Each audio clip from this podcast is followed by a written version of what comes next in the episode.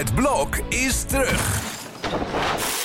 Vier koppels, vier bouwvallen, vier verbouwingen en dus een hele hoop stress. Het blok, iedere werkdag om half negen bij net vijf.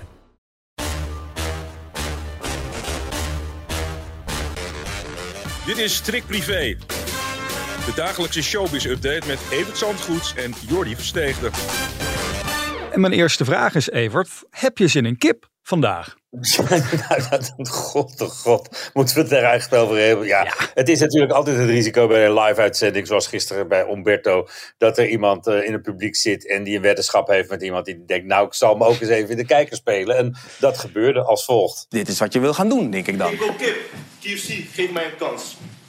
Roberto, alsjeblieft. Alsjeblieft, jullie, al die studenten, helemaal niet. Gewoon, gewoon weg. Kijk, ik kom meteen naar buiten. Hup, dag. Ja, ik vond wel dat Humberto er uiteindelijk best wel koeltjes mee omging. Alsof hij het aan zag komen dat die jongen ging Ja, opstaan. nou, die is wel alert in ieder geval. En dat moet je ook zijn. Als je publiek hebt in een live-uitzending, is de kans groot dat er iemand zit die een grap wil uithalen. En dat weten we ook al sinds die man zich vastlijmde aan eh, de tafel bij Bo. Ja. Wat ook nog eens meedeed naar het, het televisiefragment van het jaar in plaats van die gek.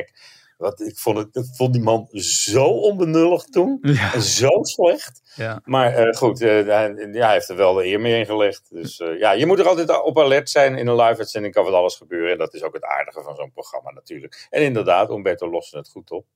Gaan wij snel door met iets wat veel meer aandacht verdient. Iets, iets emotioneels. Het bericht van Lenny Koer gisteravond op haar social media. Dat heeft mij persoonlijk wel geraakt. Jou? Nou, de grote oorlog wordt zo een stuk kleiner en komt een stuk dichterbij. En Lenny Koer heeft dat eh, vreselijke nieuws zaterdag al gekregen... dat haar kleinzoon, die in het Israëlische leger dient, eh, in zijn buik geschoten is. En dat is een verschrikkelijk verhaal wat ze prachtig vertelt in onze krant. En eh, totaal niet haatdragend. Gewoon medelijden met alles van iedereen die slachtoffer is... van de verschrikkelijke gebeurtenissen in Israël en Gaza. Ja. En gewoon eh, vertelt wat er gebeurd is. Haar zoon is eh, eh, met zijn eenheid naar een, een brandhaard gestuurd. Hij heeft daar ingegrepen. Er zijn jongens gesneuveld. Hij heeft het overleefd. Kwam met narcose, hoorde Arabisch praten. Schrok zich dus kapot. En dat was de arts die hem zijn leven gered heeft. Ook een Arabier dus. Dus het geeft aan hoe ingewikkeld die ongelofelijke gebeurtenissen daar zijn. En eh, de manier waarop zij het vertelt is werkelijk aandoenlijk. Het allermeest bijzondere vind ik nog dat zij van plan was zaterdag naar Israël te reizen. Hm. En dat ook gewoon gaat doen. Kijk, Om oh, bij haar familie te zijn. Maar kijk in godsnaam uit, zou ik willen zeggen, Lenny. Ja, Ik- ja. Lenny is ooit mishandeld op het station van Haarlem, heel lang geleden. Moet in de jaren zeventig geweest zijn of zo. En eh, kreeg vervolgens een verhouding met de KNO-arts die haar eh, gebroken neus eh, herstelde. en dat is de, de, de Israëlische man die daar woont en die dus de, de opa is van deze jongen. Oh, En de, manier waarop zij elkaar hebben leren kennen is al bijzonder en gaat met geweld gepaard. ja. Maar ja, het is altijd een bijzonder verhaal geweest van een heel bijzondere vrouw. Dat is, dat is Lenny Koer. En dat zie je aan haar reactie die ze gisteren post. Zeker, we wensen haar veel sterkte het komend weekend eh, al daar. Ja, jij zei het al, het, het blijft natuurlijk een hele ingewikkelde discussie. Lenny schreef ook van, ik wil eigenlijk niet dat het een politieke discussie wordt. Maar toch zag je gisteren weer een Vandaag een site dat het ook moeilijk is om erover te praten. Hè? De hele week al. René van Nou, vooral als je zo verkeerd aftrapt als VI eh, Ja. deze week gedaan heeft.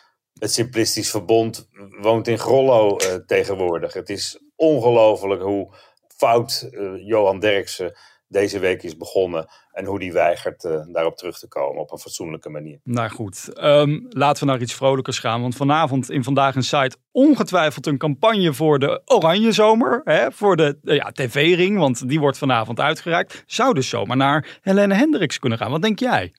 Nou, het is nou niet dat eh, de, eh, de, de drie mannen van VI haar grootste supporters zijn. Die hebben het er nauwelijks over. Nee. En eh, het, is, ja, het is voor Talpa heerlijk om te weten dat ze een heel goed alternatief achter de hand hebben, volgens mij. Mocht het met die mannen een keer uit de hand, uit de bocht vliegen, dan zit Helene Hendricks op rozen, vermoed ik. Ja. En dat zou alleen maar gestimuleerd kunnen worden als dat vanavond, de, als de Oranje Zomer vanavond wint. Ja. Dus mijn stem heeft ze. B&B voor Liefde en Oogappels zijn de andere genomineerden. Ja, die- daar ben ik ook dol op hoor. Zeker het, eh, B&B voor Liefde heb ik niet zo heel erg ge- ge- ge- gevolgd door mijn vakantie. Maar de oogappels is al, is al jaren een fenomeen op de Nederlandse televisie. Wat elk jaar beter lijkt te worden zelfs. Ja, vorig jaar wist ik het heel zeker dat Even tot hier ging winnen. Maar dit jaar is het echt gewoon heel lastig om te zeggen van wie gaat er nou vanavond met die ring eh, naar huis. Ik ben benieuwd. Ja, als je de campagne van RTL ziet, dan uh, moet dat wel helpen om, Ja. om uh, hen aan die, aan die ring te helpen. Ja. Maar uh, ja, het, het, het, het, het kan alle kanten op, dat weet je ook. Ja. De VI won ooit van The Voice. Oh, ja. jaar. Dat had ook niemand kunnen denken. Ja, precies. En het kan ook alle kanten op qua presentatie. Want Peter Pannenkoek gaat het eh, voor het eerst doen. Daar ben ik wel echt heel nieuwsgierig naar, moet ik eerlijk Daar is zeggen. iedereen heel nieuwsgierig naar. Vorig Ja. jaar was hij al even te zien in het programma. En uh, ja, toen, toen liet hij al zien hoe je, hoe je zo'n gala presenteert. Op Amerikaanse leest geschroeid. Met een halve roast is het eigenlijk. En Ja. dat maakt zo'n programma wel extra bijzonder. Eh, inmiddels zijn ook de tv-knollen uitgereikt. Dat zijn dan weer de, ja, de tegenhangers eigenlijk. Hè? De slechtste prijzen, om het zo maar even te zeggen. Vind je het ook een slechte prijs trouwens? De prijs voor een slecht tv-programma? Ach, het is wel geestig. En als je dan wint, tussen aanhalingstekens, dan moet je daar sportief mee omgaan. En dat deed Peter Gillis gisteren wel door uh, een tv-team thuis te ontvangen. Ja. En gewoon te zeggen wat hij met die prijs ging doen. Het was ook echt een hele lelijke prijs. maar waar ik wel om moest lachen, is dat een van de juryleden, een van de mannen die dat ding in het leven geroepen heeft, gisteren heel trots op uh, zijn Facebook zette dat ze dat programma hadden uitgekozen tot het slechtste wat er was. Maar die had na acht uur precies acht reacties op, op, op zijn post. Wat een impact, wat een impact voor die prijs, uh, inderdaad. Ja. ja. Um, Goed nieuws is er voor Rick Engelkus. Toch even goed om daarmee te eindigen. Hij zat natuurlijk diep in de put hè, vanwege een, een, grote schuld die hij eigenlijk moet terugbetalen. 3,7 miljoen geloof ik moet ja. hij terugstorten. Nou, hij zei steeds dat hij dat ging doen zodra daarom werd gevraagd. Maar het lijkt er niet op dat hij dat ook al heeft gedaan. Dus Hm. dat het bedrijf van hem zit behoorlijk in de problemen.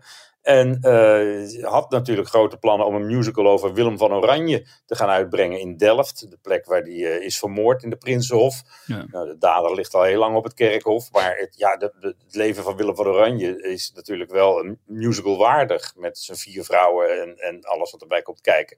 Maar er zijn nu een paar rijke uh, Delftse ondernemers. Die hebben de koppen bij elkaar gestoken. En die willen toch wel met Rick Engelkes in zee. Om te zien of ze voor Delft die gigantische productie van de grond kunnen krijgen. Maar ja, de uitdaging is groot. Want er moet een heel theater voor gebouwd worden. Wat al aangeeft dat uh, Rick nog niet heel erg ver was met de productie. Maar toch al miljoenen coronasteun in zijn zak had. dus dat dat terug moet is niet zo verrassend. Ja. Dat een paar mensen zeggen van nou we gaan het toch doen. Dat vind ik wel verrassend. En Ja. ja, ik hoop eigenlijk als het een mooie productie is. eh, Dat, dat die er wel gaat komen. Want aan het onderwerp zal het niet liggen om daar een mooie show van te maken. Nou, het valt toch wel te prijzen dat er dan toch mensen zijn die in durven stappen in deze moeilijke tijd voor Rick Engelkus. Ja, ze willen geheim, uh, anoniem blijven voorlopig. En uh, ja, daar zullen ze ook een reden voor hebben. Maar Ja. ja, als het er alsnog gaat komen, kunnen ze alleen maar toejuichen. Rijke Delftse mensen. Ik ben benieuwd wie dat zijn. Daar komen we ongetwijfeld nog wel een keer achter. Um, morgen is het weer vrijdag. Gaan we terugblikken uiteraard op de winnaar van de Gouden Televisiering. Maar het is ook weer tijd voor de persconferentie. Kom maar door met je vragen voor Evert via podcast.telegraaf.nl. Tot morgen. Tot morgen, Jor.